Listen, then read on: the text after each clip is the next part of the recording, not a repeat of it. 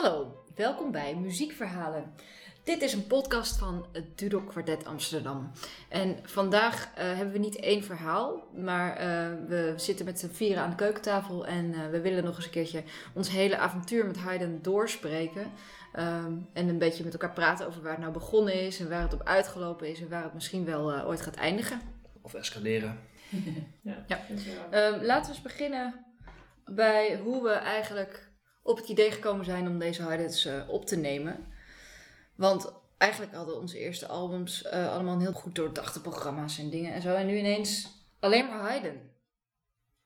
Ja, het was eigenlijk een initiatief van, uh, van onszelf. Maar ook een beetje lichte dwang van het ja, label. Het werd wel aangestuurd, ja. Ja, ja want we hadden die drie uh, prachtige cd's met Haydn en Ligeti, Mozart en Ligeti. Mendelssohn en Weinberg. En daarnaast telkens dan eigen arrangementen. En uh, daarmee hadden we heel erg duidelijk een soort uh, profiel voor onszelf gemaakt. Hoe wij wilden overkomen op CD. En dat leek best wel op wat we op concerten doen. Ja. Maar ons label zei: of dit wordt helemaal wie je bent, of je gaat nu iets anders proberen. Nou, dat was eigenlijk de eerste hint. Ja, en ook ja, gewoon zoiets lulligs als uh, de vindbaarheid. Uh, mensen willen iets van Haydn horen. En als het dan één stuk is op een cd met allemaal andere dingen, dan is het gewoon minder goed vindbaar. Uh, dan wanneer je een hele Haydn cd maakt. Ja. Nou, dat klonk allemaal wel logisch. Maar ik weet niet meer precies hoe we nou op Haydn kwamen ja, uiteindelijk. kwam het niet van, uh, van Adam? Dus, Nee, het idee om alleen Haydn's te doen kwam wel van onszelf. Nou, dat was er gewoon ineens. Hadden we niet al een uh, Haydn-programmering bedacht? We hadden eerst bedacht dat we ieder concertseizoen, dat loopt van september tot en met juli, één werk van één componist centraal te stellen. Dat hebben we nu de afgelopen vijf jaar al gedaan. Ja. Eerst met Schubert, ja. en daarna met Beethoven. Mendelssohn, F. Klein, dat was inderdaad nog voor Schubert, denk ja. ik. Of was nee, het daarna? Nee. Ja. Ja, daar was jij bij. Dat nee, ja, precies. Ja. Oh, ja, ja, ja. En toen dachten we, nou bij Haydn, die kwartetten die zijn wel heel kort, relatief. En als je meer in de stijl en in de taal van Haydn terecht wil komen, dan kun je beter een hele set kwartetten spelen in plaats van maar één stuk. Dus toen dachten we, nou, als we dan toch die set kwartetten gaan spelen, dan gaan we die ook opnemen. En waarom dan opus 20 en niet opus 33 of 76 of wat obscuurder opus nummer, maar waarom juist opus 20? Wat is daar nou zo bijzonder aan? Nou, luister maar naar aflevering 1 tot en met 9. We hadden natuurlijk uit al die periodes wel eens ja, een paar kwartetten gespeeld, opus 76. Hebben we er twee van gedaan of drie? Twee, echt, twee serieus. Ja, ja want, want grappig genoeg op concoursen, we hebben veel concoursen gedaan en daar vragen ze dus nooit een opus 20. Maar Daarom altijd. Was het, denk ik. Ja, dat, ja, ja, dat denk ik wel. Want dat zijn dan, dat, dit zijn zeg maar, ja, stukken op concoursen zijn de stukken waar je je skills mee bewijst. En dat is en, uh, geen goede muziek te zijn. Jawel, want de Opus 76 kwartet is een hele goede muziek, maar ja. ze zijn wel ietsje schoolser, om het zo maar te zeggen, dan de Opus 20 kwartetten. Die zijn veel vrijer. Dus... Uh, en dat is denk ik ook wel de aantrekkingskracht geweest voor ons. Eigenlijk al heel in het begin. Want ik denk dat het eerste stuk van Haydn dat ik speelde als kwartet was een opus 20. En daar was ik ook bij volgens mij. Ja, jij was er ook bij, maar de rest, er was nee, nog geen nee. dudok. Nee. nee. Mijn eerste was uh, Sunrise. Oh, maar op 76. Ja. ja. Dat was ook een kraker. Goed. Ja. nou ja, en dan heb je die, uh, die, die uitzonderlijke opus 54. Ja. Waarvan, daar hebben we eentje gedaan en ook opgenomen natuurlijk. Maar, maar het, het, het, het frisse van, nou ja, lopen door de verse sneeuw of zo. Of, uh, nou ja, een, een muzikale wereld ontdekken, dat, dat voel je in die Opus 20. Dat, dat ja. is er heel fijn aan. En tegelijk ook wel weer lastig. Hoe ga je het dan vastleggen op een cd? Maar dat is een, een soort test. Nou ja, uh, misschien is dat wel voor, voor de luisteraars wel, wel interessant dat een CD opnemen is, is echt iets totaal anders dan een concert geven. Waarom? Is dat zo? Nou, voor een concert oefenen we heel lang totdat we een soort supersterke frame van ideeën hebben waarbinnen we ons intuïtief van A naar B kunnen bewegen. Omdat dat frame zo sterk is, kan dat iedere keer opnieuw een, een op zichzelf staande verloop van tijd zijn. En daar kan, zeg maar, als jij eh, in maat 1 keuze, eh, kiest voor keuze A, dan volgt daaruit 20 maten later iets, zeg maar. Optie C. Ja, precies. Dat, dat, en dat kan een soort logica hebben. Maar op CD moet het een soort van altijd hetzelfde en goed zijn. Je maakt één keuze en daarmee sluit je andere wegen af. En daarmee leg je de druk voor jezelf eigenlijk onnatuurlijk hoog om te zeggen: deze keuze moet de beste keuze zijn. Terwijl dat bestaat natuurlijk eigenlijk in de muziek niet. Ja, precies. Ja, Ja. Dus je moet tevreden zijn met wat je op dat moment beslist. Ja. Omdat je tijdens zo'n opnamedag ga je het een paar keer overdoen, een paar keer opnieuw. En dan raak je dat gevoel van het verloop van het hele stuk eh, na een tijdje een beetje kwijt. Ja. Maar dan moet het nog wel, je keuzes moeten dan dus nog steeds kloppen. Ja. Samen, ja. Als je het voor de derde keer op één dag speelt, dan is je idee alweer ontwikkeld. Ja. Dan heb je alweer en dan heb je in de derde keer iets nieuws ontdekt eigenlijk. Ja. ja, maar dat is ook wel de reden dat we ons zo ongelooflijk verdiept hebben in deze muziek, denk ik. En eh, echt eh, wel twee jaar voorbereiding in totaal hebben gehad voor, Mhm. voor die hele zes kwartetten. Omdat je dan ook alle mogelijkheden hebt verkend, denk ik. En dan kan je op het moment van zo'n opname beslissen of bedenken: oké, nu gaan we eens dat proberen, nu gaan we dat proberen. Maar het is wel onwijs interessant, vind ik. Weet je, je kan ook niet, je kan niet wegkomen met, nou, we doen het maar een beetje, maar het moet gewoon echt heel erg goed zijn. En veel mensen denken dat Haydn veel makkelijker is dan bijvoorbeeld Ligeti of Weinberg of zo, maar niets minder waar, want je hoort alles. Dus echt juist in, de, in die simpele delen, zoals eh, het langzame deel van opus 20 nummer 5, daar hebben de drie onderstemmen eigenlijk bijna niks te doen. Maar als je het, als je het niet goed speelt, dan, eh, dan wordt, het, wordt het ook niks. Ik denk dat, eh, kijk, viool en cello en altviool spelen, technisch gezien, dat kunnen we alle vier toch wel. En dat maakt voor ons, die componisten van, die je hiervoor noemde, eigenlijk makkelijker. Omdat je daar toch veel meer eh, kan doen door gewoon heel goed je instrumenten te beheersen en heel goed samen te Ja, maar daar heb je bij Haydn eigenlijk niet zoveel aan. Nee, bedoel, want- zelfs bij Beethoven kan je al laten zien van, oh, kijk eens wat ik allemaal kan. Maar bij Haydn is het, eh, som- sommige delen zijn uitgesproken virtuoos. Zoals lang, het, eh, het laatste deel van nummer 4. Ja.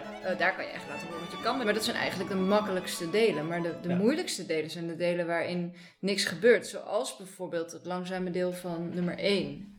Ja. Dat, is, dat is muziek die bij, dat, dat kwartet wordt ook bijna nooit gespeeld. Omdat, denk ik, de meeste mensen denken dit is saai. Of eh, eh, hier kan ik niks mee. Het is grappig hè, dat je vaak merkt als, eh, ja, dat het moeilijk is om iets makkelijk te laten klinken. En als het dan heel makkelijk en natuurlijk klinkt, met heel veel moeite, dan denken het mensen zo. ook dat het heel makkelijk Is is. het te makkelijk?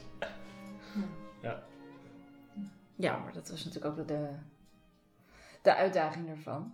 Eh, misschien is het wel een goed moment om in te zoomen op het instrumentarium waar we uiteindelijk mee zijn gaan spelen. En, ehm, en hoe we op het idee kwamen om eens verder te kijken naar of er iets mogelijk was met misschien andere stokken.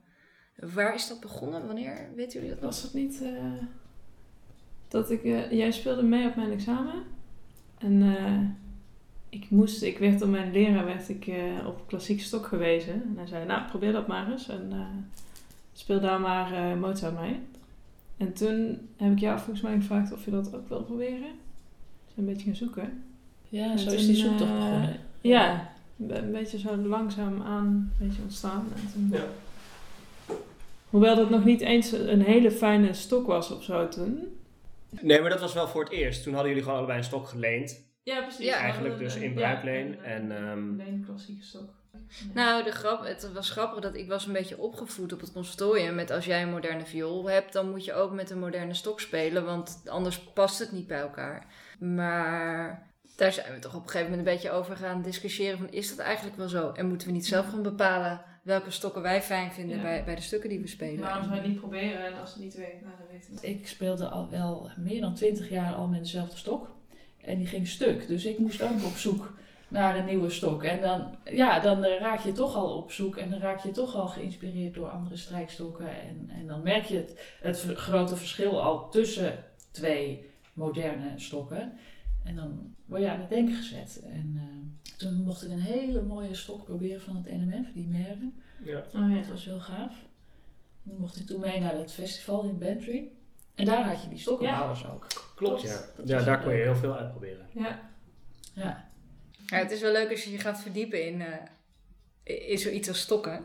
dat je erachter komt hoe ongelooflijk veel dat uitmaakt voor hoe je speelt. Eh, moderne stok is van uh, Pernambuco hout, dus een bepaald soort hout.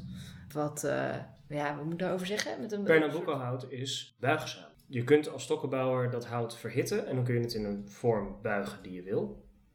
En daarom heeft een moderne stok ook altijd een lichte buiging. Het is, als je goed kijkt, is geen recht stuk hout. Ja. Daardoor, kun je, daardoor is het gewicht over de stok zo verdeeld dat hij aan het uiteinde bijna net zo zwaar is als aan het begin. Ja, en dat is Ja, natuurlijk een heel maar- belangrijk, eh, een belangrijke feature van een moderne stok. Want die is bedoeld om te kunnen zingen en om lange lijnen te maken. En dat is echt wat zich ontwikkelde in de romantiek. Dat je zoveel mogelijk door kon zingen. Dus het is een soort Ferrari die eh, diep op de weg ligt. Ik heb nog nooit in een Ferrari gereden, dus ik zeg het wel eens, maar is het eigenlijk wel waar?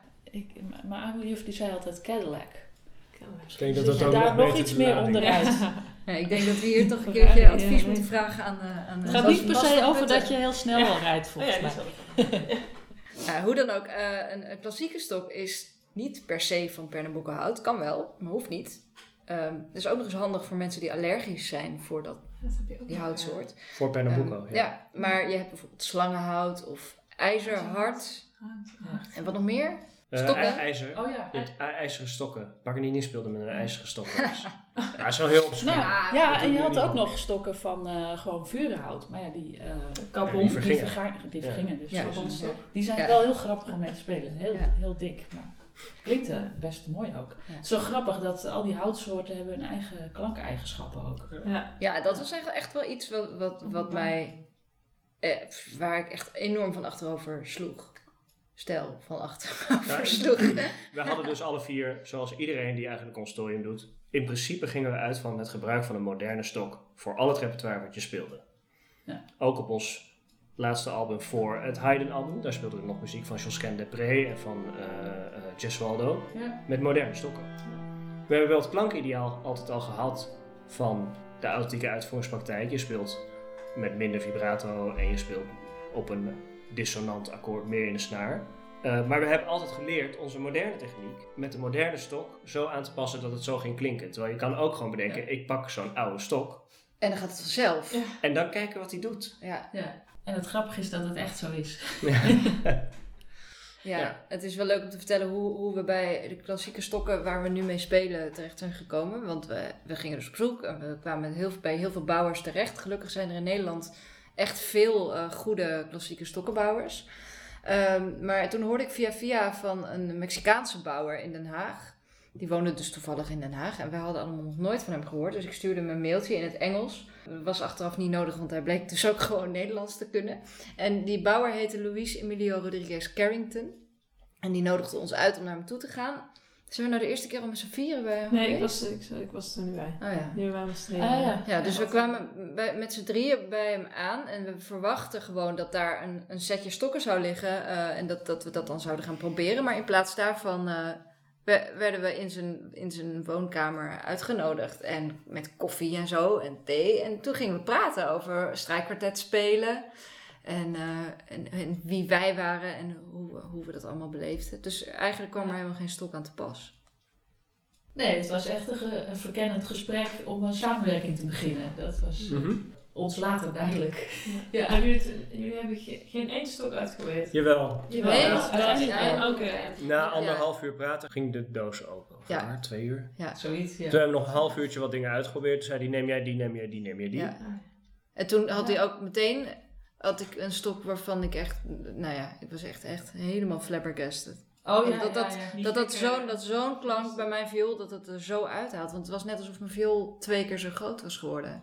Ja. Niet Ja. fysiek natuurlijk, maar in klank. Dat was ja, echt ik, ik weet ook nog heel goed dat ik voor het eerst met die stok daar speelde. Even. Oh, Ja.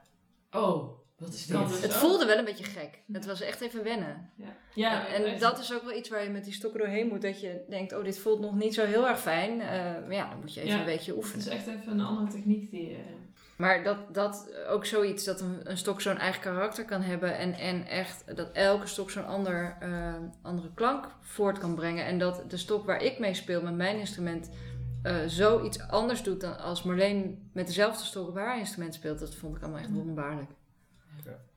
Maar goed, eh, lang verhaal kort. Uiteindelijk zijn er vier stokken gebouwd speciaal voor ons. eh, die dus op ons instrument en karakter zijn gemaakt. en daar spelen we nu mee. In ons Haydn Open project hebben we nog meer gedaan.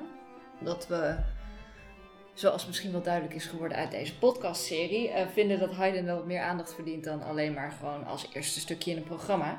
Ehm, dus daarom zijn we om de tafel gaan zitten met, ehm, met een cultuuronderzoeker. Die veel onderzoek heeft gedaan naar de impact van kunst op het publiek. Voordat het huidige seizoen begon, eh, waren wij in contact gekomen met cultuuronderzoeker Johan Idema. En samen met hem hebben wij drie, wat hij dan noemde, interventies bedacht. En die interventies, dat waren eigenlijk extra's bij de bestaande concertformule. Want concerten zijn altijd ongeveer hetzelfde. Publiek komt binnen, muzici komen op, mensen klappen, wij spelen, mensen klappen, wij gaan weg. Ja, mensen gaan met elkaar praten. Mensen gaan met elkaar praten over andere dingen. Ja, of over wat we aan hadden. Of over wat we aan hadden. Ja, precies. We wilden, we I wilden in ieder geval... eh, Het idee was dat we eh, dingen toevoegden aan de concertformule.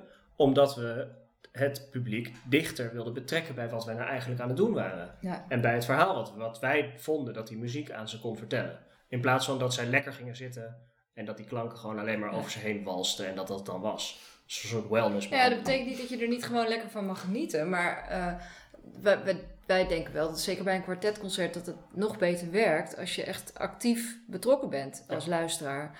Eh, en daar hadden die interventies wel betrekking op. Zo begon het concert met een audio-introductie. Dus een, eh, mensen zagen nog niks. Ze keken tegen een leeg podium aan. En dan begon dat met kinderstemmen. Pst. Pst. Het Dudok kwartet. Dat zijn David, Marie-Louise, Judith. Marleen. Zet je je telefoon uit? die eigenlijk beschreven wat een strijkkwartet eh, is voor hun. Wat ze, eh, en en ze, ze luisterden naar een stukje muziek en wat, dat dan, eh, eh, wat zij zich daarbij voorstellen. Ehm, en daarna kwamen er nog wat mensen aan het woord, waaronder wij zelf en een paar experts, zoals Vera en componist Max Knigge en ehm, schrijver Bas van Putten. En die ehm, beschrijven allemaal op hun eigen manier wat er nou zo bijzonder is aan een strijkkwartet. Dat was de eerste interventie. En nou ja, soms begonnen we daarna direct met spelen, als we twee Haydn kwartetten eh, mochten spelen. En dan gingen we daartussen een eh, wat uitgebreidere aankondiging, of eigenlijk echt een, een, een, een persoonlijk verhaal dat aansluit op, eh, op de kwartetten van Haydn. Ja, eigenlijk gewoon dus wat we in de podcast ook doen. ja, dat is precies. Een Ja, live ja. podcast. Nou, het idee was inderdaad, kijk, wij, wij weten heel veel van muziek. Laten we wel wezen. We zijn er de hele dag mee bezig. En, en we zijn ook met z'n vieren. denk ik voor, voor, nou ja, toch 40% uit muziek. Ik denk het ook Ja. wel, ja. Ja, dat is echt veel meer dan normale mensen. We praten heel veel over muziek en we hebben heel veel best wel uitontwikkelde ideeën. En die kunnen we ook met woorden delen met het publiek. Maar als je een soort spreekwoord gaat houden, dan denken ze, ja, ik ga wel naar een podcast luisteren. Ja. Dus we hadden een, een training met iemand die daar met psychologisch inzicht en ook eh, theatrale ervaring eh, ons heel goed eh, ons verhaal wist toe te spitsen op hoe het zo goed mogelijk aankomt bij het publiek en hoe het zoveel mogelijk blijft hangen en hoe ze zoveel mogelijk zelf daar eh, aan kunnen relateren en, en dat het op die manier eh, dus meer, meer impact eh, heeft. En Ja. als het concert voorbij is, dan krijgen de mensen een essay geschreven door Anna Enquist. Met Zes Inzichten? inzichten. zes Ja. inzichten wat we van Haydn kunnen leren. Ja, dat klinkt misschien een beetje scholz, maar dat is het helemaal niet. Want het, eh, het is heel mooi eh, hoe het beschreven wordt wat voor persoon Haydn was. In een tijd die natuurlijk lang geleden is, maar eigenlijk helemaal niet zo heel ver afstaat van die van ons. Als je het op een bepaalde manier bekijkt. En dat brengt die muziek ook heel dichtbij, maakt de muziek ook heel actueel. Hebben jullie nou echt een favoriet kwartet of een favoriet deel zelfs? Nou, ik heb eigenlijk nu wel weer heel erg veel zin om de vijfde weer eens te spelen.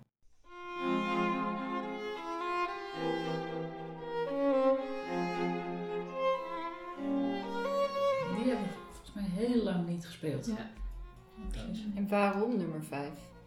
Hij zit, hij zit aan een extreme kant van, van al die zes, vind ik. Hij zit eh meeste, meest stoermoeddrang, meeste ja, Beethoven-achtige kwaliteit zit erin of zo, denk ik. Ja, er, wordt wel, eh, er wordt wel gedacht dat dit de eerste is van de zes die hij componeerde. Dat is niet helemaal duidelijk. Maar dat is wel op- opvallend, vind ik. Ja. Dat hij begint met zo'n kwartet. Omdat het, eh, er zit heel veel urgentie in dat kwartet. En heel veel... eh, Maar dan kun je toch ook gewoon een Beethoven kwartet pakken? Ja, maar ik vind Haydn gewoon leuker dan Beethoven. Dat, dat is volledig... zo. eh, ja, ja, ja. Ja, ik denk dat, eh, dat ik hem eh, aardiger had gevonden ook als ik hem persoonlijk zou kennen. Ik denk ook dat het, dat het is absoluut een Sturm-und-Drang-achtig kwartet op een Beethoven-achtige manier. Maar Beethoven komt gewoon wel super erg in je aura. Ja, En dat doet Haydn niet. Nee, ja, precies. Anderhalve meter? Ja? Toch? Ja, Dus je, je wordt heel erg uitgedaagd en uitgenodigd om mee te gaan met, zijn, met wat hij vertelt in dat F-klein kwartet. Maar hij gaat niet zoals het F-klein kwartet van Beethoven. of van Mendelssohn. Of van Mendelssohn, Ja. precies net die meppen je er zo mee in het gezicht. Ja. Dat kan Ja, ook heel aangenaam zijn. Ja. Aangenaam, dat klinkt weer zo... sommige mensen houden daarvan. Ja, je hebt van die mensen. Maar misschien minder dan mensen van Beethoven, maar je wordt er toch ook wel eh, eh, bijgegrepen of zo vanaf het begin. Hm, Ja. ja. precies. Maar het Dus- is toch, het is toch maar- de manier waarop je dat doet, Ja. die typisch Zo. Haydn is. Ja, maar ik denk dat je andersom moet redeneren. Als Haydn er niet was geweest met dit kwartet, dan hadden Beethoven en Mendelssohn hun F-klein kwartetten misschien wel helemaal niet geschreven op die manier. Absoluut. Dus dat, dat, hij is gewoon, niet gewoon, Haydn is, de, is het begin daarvan en dat weet iedereen wel. En er wordt altijd gezegd dat hij de vader van het strijkkwartet is en zo. Maar als je er echt bij stilstaat hoe dat gegaan is en hoe bijzonder dat is en waar hij vandaan kwam, wat hij als voorbeeld had, Ja. dat is echt gek. denk ik. Ja, Marie-Louise, wat is jouw favoriete? Ja, mijn favoriete deel. Ik heb er eigenlijk twee. Ik, ik heb ook de, het eerste deel van F klein. Maar ook ehm, eh, het langzaam deel van nummer 6.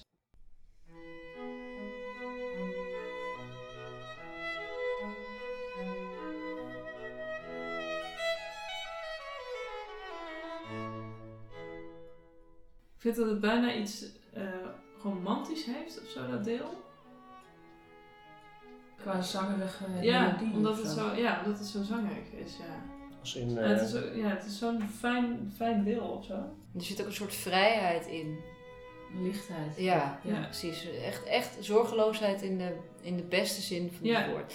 Ik denk Ja. dat eh, een van toch wel mijn favoriete nummer 4 is.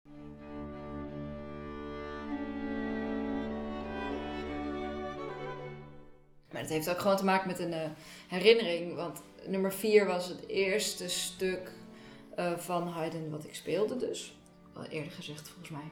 mhm. Maar eh, het was ook de allereerste keer dat ik in het concertgebouw speelde. Dat was in zo'n lunchconcert. En het zijn gratis lunchconcerten. En dan zit de zaal, dus de kleine zaal, altijd helemaal vol. En ik kan me eigenlijk van het spelen niet meer zo heel veel herinneren hoor. Omdat je echt, je bent alleen maar, je bent zo blij als je het er levend vanaf hebt gebracht aan het einde.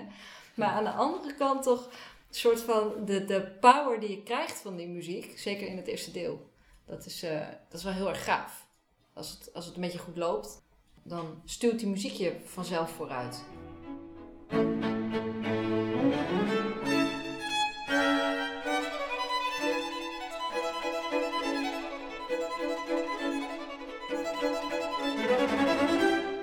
Ik vond het heel leuk om nog eens een keertje met jullie door te praten. Eh, we praten natuurlijk elke dag al met elkaar. Maar eh, om, om eens terug te kijken op wat we allemaal beleefd hebben met Haydn. Ehm, dit is tevens de laatste podcast in de serie over Haydn. Ehm, we komen terug, maar dan met afleveringen over hele andere componisten. Zoals misschien wel Ligeti of Mendelssohn. Brahms. Ja, we hebben echt nog, nog, nog duizend verhalen te vertellen. Ehm, voor nu vonden we het heel leuk dat jullie eh, luisterden. Als je...